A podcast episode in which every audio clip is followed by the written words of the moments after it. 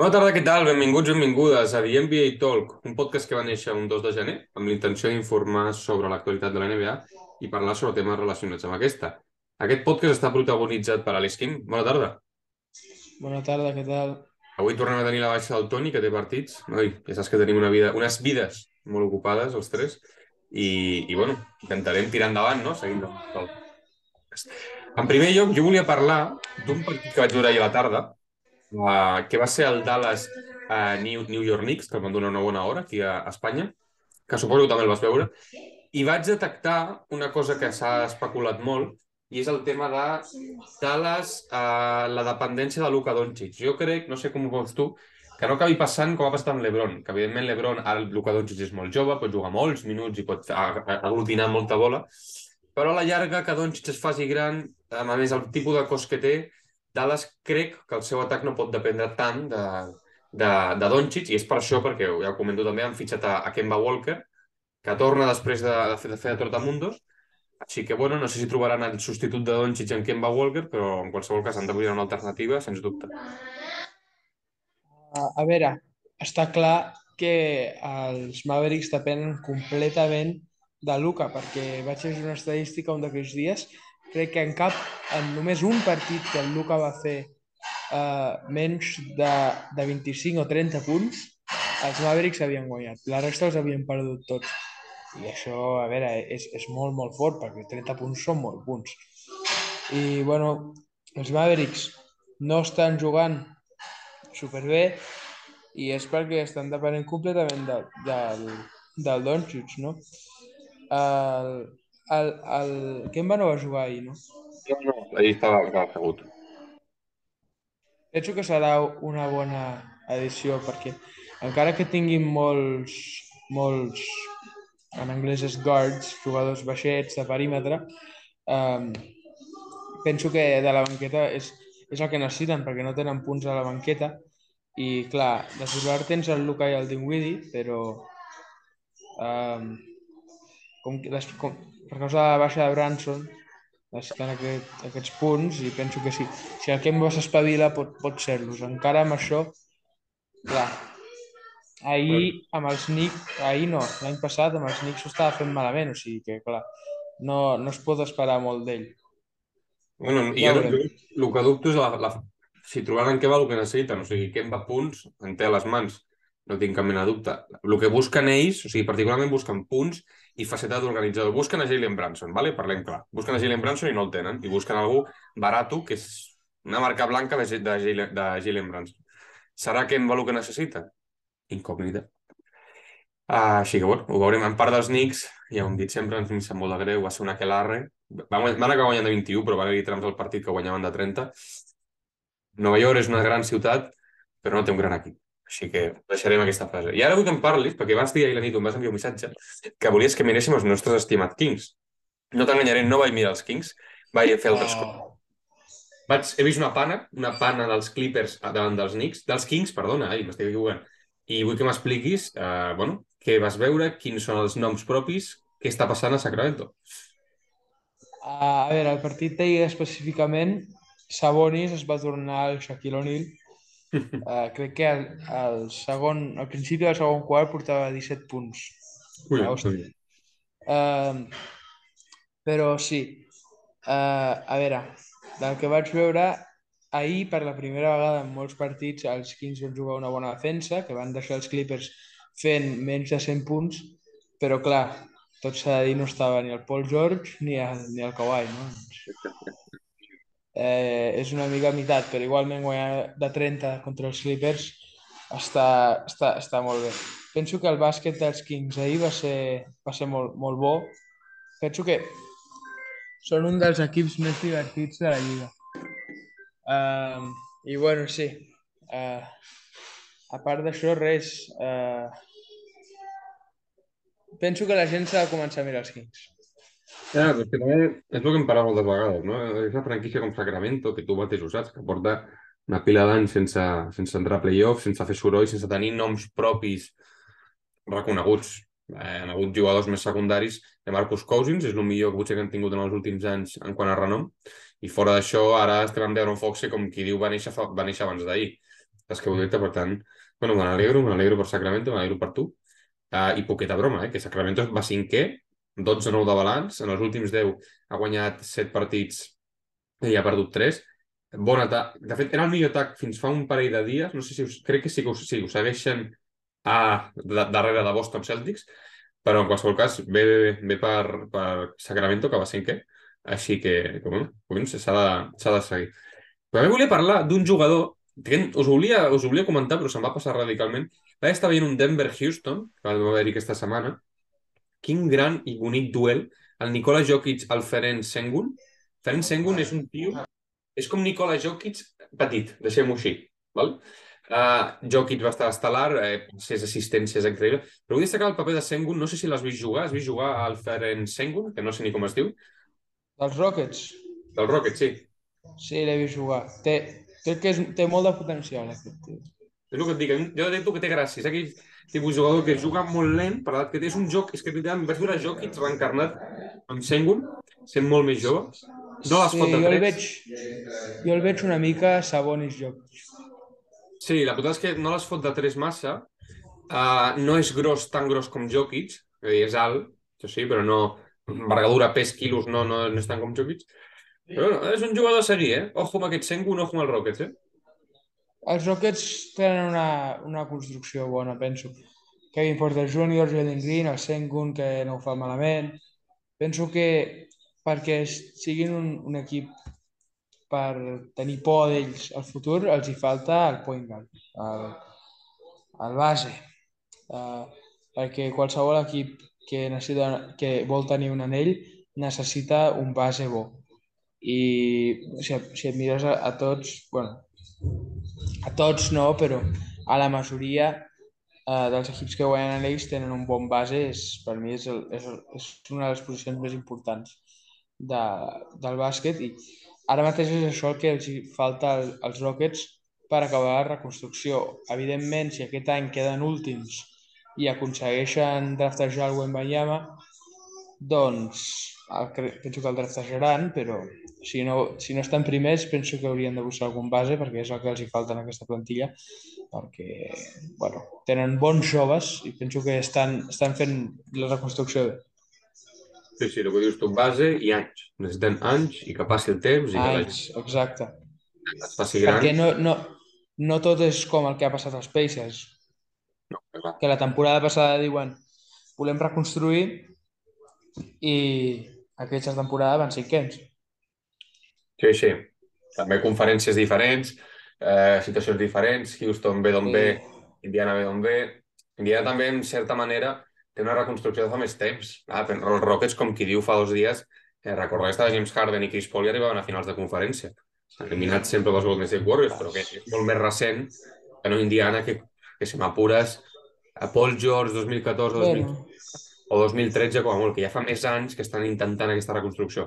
Que també temps, temps, s'ha de deixar... sempre havien estat aquest equip del mig, saps? Que entrava Mm. a playoff però no fotia res. Sí. Eh. Bueno, en qualsevol cas, com sempre, però tindrem temps per veure. També vaig veure aquesta setmana... Jo, jo, jo sempre sóc un, sóc un tio de gustos bons i em vaig mirar un Boston-Miami. I vull parlar d'aquest Boston-Miami perquè va ser un gran, gran partit. El primer quart va ser... Va ser dels millors primers quarts que recordo dels últims partits que he vist a la meva vida. A, un nivell de Boston excel, van anotar, no sé si va ser 8 triples al primer quart. A Tatum, bueno, desfassat, va ser, van ser com 18 punts també al primer quart de Tatum. I Miami, ojo amb Miami, eh? O sigui, evidentment, ara sí que ho, tinc molt clar, eh? Jo ja ho tenia clar abans, però vull remarcar-ho. No té res per guanyar, és a dir, no acabarà guanyant res, però té un roster de gent que va aparegut de sota les pedres. Uh, va jugar un tal ha High Highsmith, Haywood Highsmith, Haywood Highsmith, sí. un tio curiós. Un altre tio. Les va enxufar, estava Gabe Vincent, eh, Struz, que segueix fent la seva feina, inclús va jugar Udonis Haslem, imagina't el nivell del partit. Uh, però em va agradar, em va agradar el, el rol, no per res, per, perquè Miami aspira res, com diem sempre, però, bueno, un equip competitiu. I en clau Boston em va encantar, ja t'ho dic. Uh, L'aportació de tots els jugadors, uh, Grant Williams, ojo Grant Williams, és un gran, gran complement aquest tio per revaloritzar el mercat. No, no, no sé com va de contractes, però en breus si n'ha de firmar un de nou, alerta amb aquest tio. Recordo, recordaràs del, part, del, del setè partit amb, amb, contra Milwaukee, que fot set triples, recordes que fot 30 Sí. i... un Va partidat ser la clau, Durant Williams. i es ventila a Milwaukee pràcticament ell sol. Així que és un gran partit que em va agradar i, collons, Boston... Ojo amb Boston, eh? Que Boston arribarà, arribarà molt i molt lluny. Sí, evidentment. Són el millor equip de la Lliga ara mateix, no? Sí, Mm, sí, sí. són. 18-5. Bueno, 18-5 abans. Uh, aquí pas, aquest partit van perdre contra els Heat, cert? Sí, no, de fet han jugat dos. Per tant, ara no me'n recordo quin vaig veure. Crec que el van acabar guanyant. Han jugat dos. Vull dir, han jugat aquesta setmana dos, dos matets. Ah, vale. Jo, jo ara el estic mirant el més recent i... Sí, va ser el primer, va ser el primer. 134-121, que van jugar el 30 de novembre. Vale, correcte. Fa més sentit. bueno, els, anava a dir que els Heat i els Raptors són, són uns equips que agafen tios que ningú coneix i els tornen jugadors. Com, si tu mires uh, la plantilla dels Raptors ara, jo coneixo a dos tios. Literalment. El Siakam, el Siakam, el Van Vliet, el Scotty Barnes i, bueno, la resta, alguns et poden sonar, Otto Porter, però treuen uns tios de res, com el Van Vliet era, um, i els fan amb bons jugadors. I penso que els Heat també ho, també ho estan fent, això. Que ho van fer amb el Udonis Haslem, uh, aquest Haywood Highsmith, que no coneix a ningú, el Sí. Max Strus, no, no fotia res a la lliga, va arribar als Heat i es va tornar un bon jugador. Gran. Uh, Gabe Vincent també, bueno, doncs penso que això que fan els, els equips que, que els hi poso highlight de, de, que, de, de fer això són els Heat i els Raptors, penso que són els que ho fan més això, però em sembla bé això, de trobar, trobar nous jugadors, saps?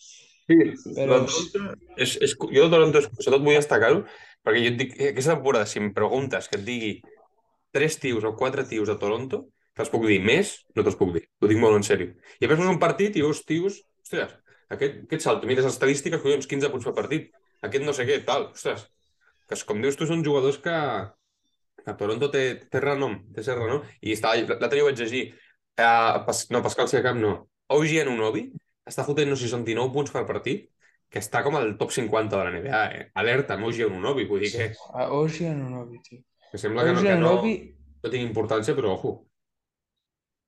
Oji Anunobi és un jugador que tu el fots a qualsevol equip de la NBA i fa que vagin d'una... Fa, fa que siguin millors. És un dels meus jugadors preferits. Però ho fa tot bé, jo, en la meva opinió, és un, un jugador que m'encanta.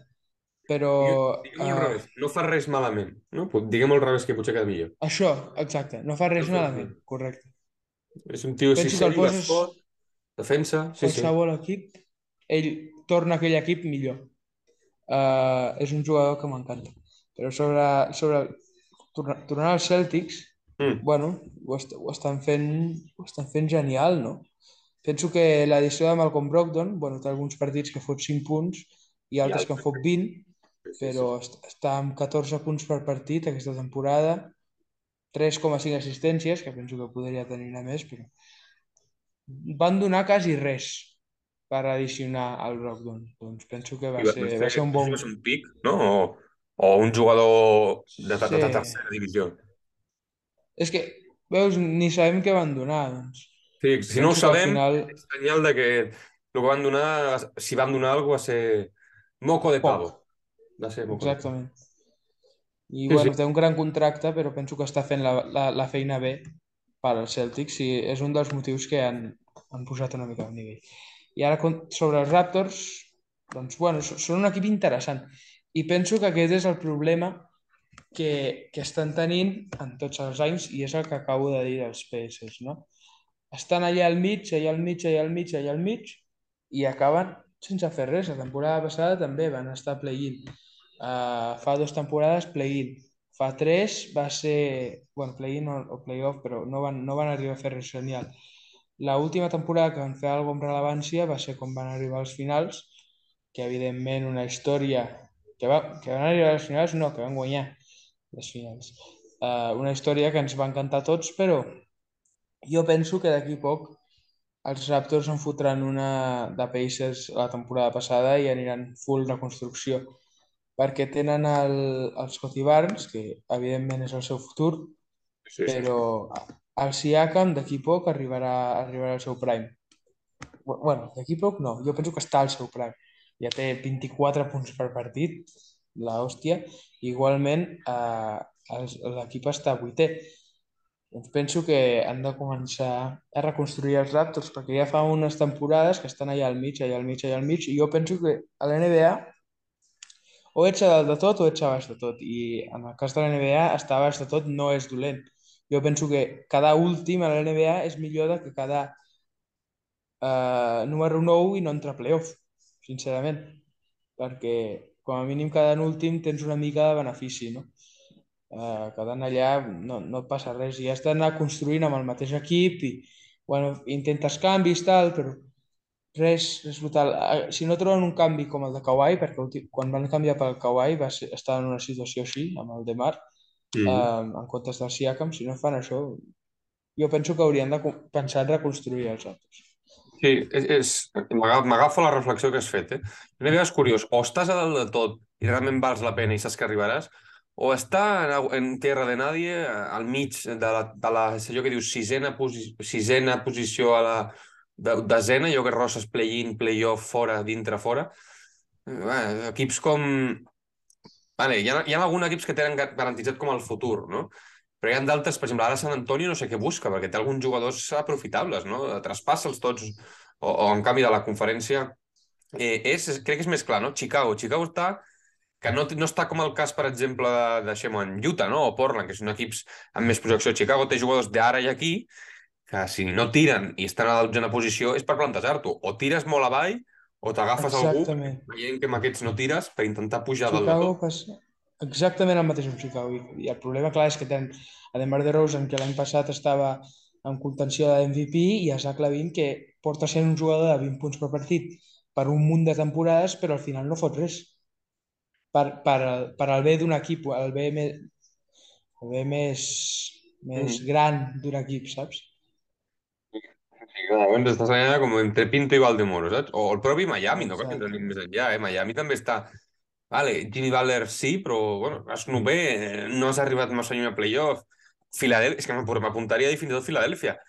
Harden Embiid no ha sortit, Embiid és un gran, gran, gran jugador. Hòstia, clar, Harden potser és el més, el més afectat o, o el que s'ha de mirar més amb aquest, eh, amb aquest escenari que plantejàvem, no? No sé, són, són casos curiosos que fan que, que, bueno, que et plantegis quin és el futur de la teva franquícia. No? I ara sí. em permets em permets uns minutets de Lakers, que sempre entren bé. Ah, permeto. Jo he parlat dels Kings. Hem parlat dels Kings, tot bé, és just. Estan millors Lakers, eh? Ho dic als fans dels Lakers, jo sóc fan dels Lakers. Estan els Lakers estan molt millor del que sembla, molt millor del que van començar la temporada. 7-3... Per desgràcia és aquest el cas. Sí, sí. 7-3 no en, el... en els últims partits. Uh, Anthony Davis jugant com un animal, les meves estadístiques, les he enviat, us les he ensenyat, jugant sí, superbé. Sí molts partits sense Lonnie Walker, alerta, que ara comentaré un frio dato de Lonnie Walker, amb l'Ebron, sent l'Ebron, no cal demanar més, però amb Russell Westbrook de la banqueta, hòstia, ja s'ha sentat bé, Dennis Ruder no està fent números, però està dirigint l'equip que m'agrada, uh, Troy Brown, uh, Thomas Bryan, Matt Reeves, eh, no, Matt Reeves l'han tallat, Agustin Reeves, perdona. Bueno, mm, ja equipet. I ara el, de, el frio dato que volia dir de, de, ho diré, de Lonnie Walker quart, aquest és mèrit del Toni, si ens escolta el podcast després li diré el mèrit, és que les, cantaré les estadístiques, t'ho vaig a mirar perquè aquest és molt fort i crec que és important que la gent el senti. I és, uh, alerta, eh? Jordan Poole està cobrant 140 milions de dòlars. Ronnie Walker està cobrant 6. I les estadístiques de Jordan Poole són 15,9 punts, 1,9 rebots, 4,4 assistències. Les estadístiques de Lonnie Walker, que cobra 6 milions, repeteixo, 6 milions, 17,1 punts, guanya a Poole, 2,3 rebots, guanya Pool, 1,9 assistències, perd davant de Pool, però perquè l'Oni Walker és molt més anotador. I cobra, doncs pues, res, mira, només 132, 134 milions menys. Podem mirar amb lupa Jordan Poole, Quim? No, Jordan Poole és el clàssic cas, fots una temporada de puta mare i vas i te n'olvides de com jugar a bàsquet. Michael Porter Jr., un, un món ja ja els ha passat això. I, bueno, Lonnie Walker, eh, jo penso que és un fitxatge com el del Malik Monk a la temporada passada eh, pels Lakers, que un tio jove que ho fa bé en un equip que se'l vol treure de sobre i se'n va als Lakers per cobrar poc i mostrar com és un jugadoràs i la temporada que ve o l'altra se n'anirà en un equip que vol guanyar i es tornarà un jugador principal allà. Jo penso que és això que passarà amb ell, però realment Lonnie Walker és un bon jugador. Um, M'alegro per ell perquè és un jugador que m'agrada, encara que no m'agradin els Lakers, el, el Lonnie Walker sí que m'agrada. I el LeBron també va. Uh, ja l'has dit, ja l'has però... dit. sí. Uh, volia dir això dels, dels 10 últims partits. Uh, sí, un d'ells ha estat contra els Bucks i, bueno, i els Nets també van guanyar, que els Nets no estan molt bé, però igualment. Però tot s'ha de dir que quatre d'aquests set partits que han guanyat han estat tres purs i un Pistons. O sigui que uh, penso que 100% els Lakers han millorat i això és per gran part uh, de com està jugant Lonnie Walker i encara més gran part Anthony Davis tornant-se també el Shaquille O'Neal, venga, uh, amb, amb tir de 3, però uh, encara penso que han de treballar. I l'altra cosa, la plantilla dels Lakers és increïble. L'únic que passa és que, bueno, uh, Anthony Davis no es pararà de lesionar. LeBron té 38 anys. Westbrook, jo penso que té un problema de, de, de confiança en ell mateix per causa de la mídia. Sí. Està, està... I l'altre, l'edat, que no tenen ningú jove i el seu futur està limitat a agents lliures a partir d'ara. Però, bueno, a veure com acaba els Lakers. Tampoc és com si estiguem ja, que s'estigués acabant la temporada, no? Uh, uh, cada equip ha jugat en cerca de, de 20, 20, de 20 a 25 partits, o sigui que uh, els Lakers 21. Doncs ja, ja veurem com va. bueno, és un quart de la temporada. Eh? Sí, i, i que... un quart de la temporada. Ara mateix estan a playoff, però bueno, estan, mira, deixa'm t'ho miro, com aquell qui diu a quatre... És que estan a dos partits i mig, com aquell qui diu una, una, una ratxa positiva dels Lakers i et pots colar a la vuitena posició, novena, saps? Evidentment, home, sí, sí. Vull dir, encara que sí, no estan sí. tan distanciats com els Rockets, que sí que estan molt, molt, més, molt més avall, i San Antonio, que encara hi ha, com dius tu, i, i queda molt, i com deia el, el Toni, ojo amb els Lakers, trobar-te'ls a play-in, eh, que a Portland no li faria cap mena de gràcia, o als, o als Utah Jazz, per exemple, tampoc els hi faria cap mena. O als Kings i tot, tio. O als, pro, uh, o als ah, propis Kings. Però és que, clar, està, estan a estan a 5,5 partits de primer. A l'est està super, super disputat. Perquè, mira, el, els, el West, West, sí, perdó, he dit est. Uh, els Suns van primers, el Denver està a un partit, New Orleans està a un partit, Memphis a dos... Correcte, has decidir aquesta nit perquè juguen en, en poqueta estona el, aquests dos, el New Orleans i, i Denver. Vull dir, ho, ho ha vist? Sí? Sí, sí, juguen aquesta nit. Ah, partidàs, segon contra tercer. Sí, sí, sí. Bueno, a l'oest està molt disputat i penso que serà interessant com, com va desenvolupant-se uh, la conferència. Però sí, uh, és que clar, els, els, bueno, Oklahoma jo també penso que estan fora, però els únics equips que estan fora són Houston i San Antonio, i són que ja sabíem que estarien fora, o sigui que molt interessant tot plegat.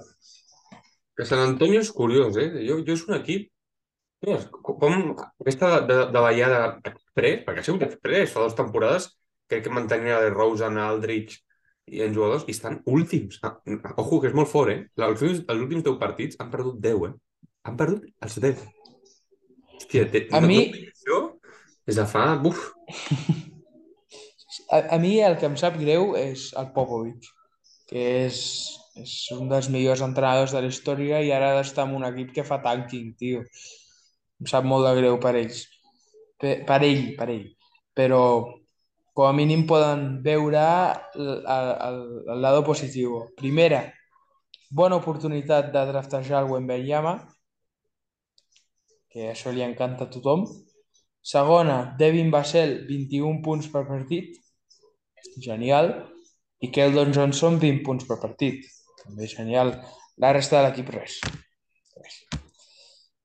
hem de, hem d'esperar per més drafts i a veure, i a veure com va. I espero que Popovich se'n vagi d'allà ja perquè és, és un, un entrenador molt bo i que estigui en un equip que ha perdut 10 seguits, com acabes de dir, és, és trist. Bueno, però recorda el que va dir, que ell, pues, le van preguntar, o això vaig fer un parell d'episodis, eh, ¿qué es lo que te gusta de seguir entrando a la NBA? Saps què va dir? Diu, nada, ah, quan arribo a final de mes que veig la meva compte bancària. Vull dir que jo si fos Popovich, amb 70 i pico d'anys, jo visqués la meva família a Sant Antonio, tot a Sant Antonio, escolta, perdre 10 partits, però a final de mes que m'ingressessin 6 o... Crec que cobra 10 milions de dòlars. Ojo, eh? És molt fort. Sí, això és molt fort. Milions de Però dòlars, és que, que són diners, eh? Són molts, molts diners. hòstia, si són diners. Jo puc fer servir un- 10 milions de dòlars en tota la meva vida. No, no, sense cap, sense cap mena de dubte, sí, sí. No necessito que- fer res més per la resta de la meva vida. Tinc 16 anys, eh? Imagina't, imagina't. No, no he vist, no sé si has vist tu Atlanta Cleveland aquests últims dies, van bé, eh? estan amb 7-3-5-5. Segueixen, Els dos. Sí, segueixen els dos equips partit. a la part alta de la classificació, eh? Sí, eh, bueno, Atlanta no m'ho esperava, Cleveland jo pensava que, que seria un equip que, esta, que hauria millorat. Atlanta, bueno, no m'ho esperava, però tenen a Trey Young i, i és un jugador que s'assembla al Curry i això ja parla per si mateix. I, i de John uh, Murray, I de John Tay Murray, clar, respecte un canviasso que van fotre per al, per, amb els Spurs que acabem de parlar. Mm. bueno, do, dos equips bons. Parlem d'ells molt sovint, però és que, és que hi ha a parlar d'ells, perquè n- s- s- són- no, són, no són equips que esperàvem que fossin tan bé, no? Esperàvem Nets, ni Pacers esperàvem, bueno, esperàvem Nets, Bucks, Celtics, Filadèlfia, Sixers. Filadèlfia, Filadèlfia, home. I, bueno, estan Hawks, Pacers i Cavs. Doncs Sí, sí. era una mica raro, no? És curiós. Bueno, el de Brooklyn és que ja ho hem dit. A mi a vegades se'm fa pesat. És com, és com una guarderia de nens petits que els nens cada dia es passen el dia pagant-se, saps? I ja no saps què fer. Però això és el mateix que És passa Kyrie. repetitiu, és repetitiu. Irving, sí. Kevin Durant diu que està allà, és Michael, i que li porta un papino als seus, als seus companys, que ja està allà per comprar, cobrar la pasta. Ah, que... Bueno, I, I el roster, mateix els Lakers, el roster és un roster, collons, que és un Brooklyn Nets, és un un roster de roster. primera eh? tenen el TJ Warren, que es va tornar el Jordan a la bombolla. Que El Jordan a la bombolla. Però... complements de luxe. Roy Johnny, un tio Home. sèrio, Patty Mills, un tirador, un shooter, Ben Simmons, ja una altra casa. part. Joe Harris, un Però- especialista. però és que s'ha s'ha de dir Kevin Durant i Kyrie Irving. Ah, què? Tio, tio. Entenc que vagin 600, però que haurien d'anar a mínim tercers. En Boston i Milwaukee haurien d'anar. Sí, Bueno, no, nom per nom, ara estic analitzant. Nom per nom és una plantilla molt, molt extensa. Yuda Watanabe, fa, fins fa poques setmanes, era el millor triplista de la NBA, eh? Ojo, eh? Un ara, és, japonès... ara què és? El Horter? No sé, t'ho dic de fa setmanes perquè és quan ho vaig mirar, no sé si l'estadística ha Sí, variat. tam- està, estava 51% o alguna cosa així, no? Watanabe, sí, cinc, Jo també Sí. ho vaig veure. Rosell sí, entre els 5, sí, 50, 49, sí. que és, que és un gran, gran encert. Vull sumar-hi Joe Harris, sumar-hi Patty Mills, als Lakers ja els agradaria tenir un parell d'aquests jugadors. Un munt de tiradors, un munt de tiradors. Exacte, és una mica, és una mica diferent que els Lakers en aquest sentit. Mm. No? Tenen de tot Perquè- i les estrelles principals fallen. Els Lakers tenen estrelles principals, que estan... Davis, vale, es lesiona, però ara està i està de puta mare. La resta de jugadors... Sospiro, saps? Mira, uh, sobre, sobre el Watanabe, 57%. Cin- Sí, 50, no Triples. 51. Jo recordava un... Sí, el... 57, sí, sí, sí, sí, sí. Fue, eh? Perd, 51 és el Herter. que també està superbé. Sí, 57%, tio. És Mhm. molt, eh? Home, és molt... També és cert que tira poc, doncs parlem també clar, no? Ah, Però, ojo, que, que tenen molts A veure, tiradors. eh? molt poc tampoc tira, està, està tirant consistentment. Bueno, molt, molt bé, el Watanabe. Els Nets s'han de regalar. És que ja fa un munt de temps que tenen aquest equipàs i han decepcionat dues temporades seguides, perquè sigue, estiguem clars, van arribar, van arribar bé, ja sé que van perdre contra els, els Bucks en aquella temporada que van guanyar, però ells havien de guanyar aquell anell. Això està clar. Bueno, Playoffs passats, dius, no? Els anteriors, els, últims. Sí, exacte. El peu de Durant, el pas el peu de Durant, eh? Que ho va... Però és que va, va trepitjar el, el game... No, va ser contra Boston. un... No, contra, Con- no, contra Boston, contra Boston. Oh, no, va, no, la temporada anterior. Ja, ja Milwaukee, no? Milwaukee, però va ser aquesta anterior, no l'altra. Fa dos, fa dos. Ah, fa dos. Sí, perquè Ah. en primera ronda recorda que aquest l'any passat es van enfrontar a Boston i se'ls van partir... 4-0. 4-0. Sí. Sí, sí. a veure, a veure què fan. En qualsevol cas, està la cosa maca. Ojo partit, en, en breus, com t'he dit, eh, i ara me'l posaré a mirar. Aquest eh, Denver contra New Orleans, que fa temps que no veig a cap dels... A Denver sí, però New Orleans fa temps que no veig, a veure com està Zion. I, i bueno, i poqueta cosa més, a l'esquim. No sé si tens alguna cosa més a afegir. Uh, a veure, no massa, només que New Orleans no m'esperava que ho fessin tan bé tampoc, però el Zion s'està tornant tot això que s'esperava que fos. Me n'alegro per ell. Sí, sí, sense cap, sense cap mena de dubte i també me n'alegro un jugador que ha patit, que ha patit molt. Doncs molt bé, doncs donem per finalitzat aquest episodi. Uh. Una cosa només, Ah, deies, et, deies, que, deies. et vull preguntar, Has de preguntar. uh, que no és sobre bàsquet, però volia dir encara en Pues- gravació, només Ojo, ojo, per per, saber. per, pregunta Estàs mirant la Copa del Món o què? No, jo futbol... No, No. sóc massa de futbol. No, no, jo, Ah, vale, vale. jo només em miro les coses bones. La NBA, si vols parlar de futbol, a l'esquim pots obrir un podcast tu sol i parles tu de futbol. Jo No, saps que home. soc molt pro basquetbol. no, tant, tant, només era curiositat. No? Vinga, Molt bé, doncs a l'esquim, gràcies vinga, per adeu. estar amb mi en una tarda més. Els nostres oients també i ens escoltem la setmana vinent. Una abraçada i ja...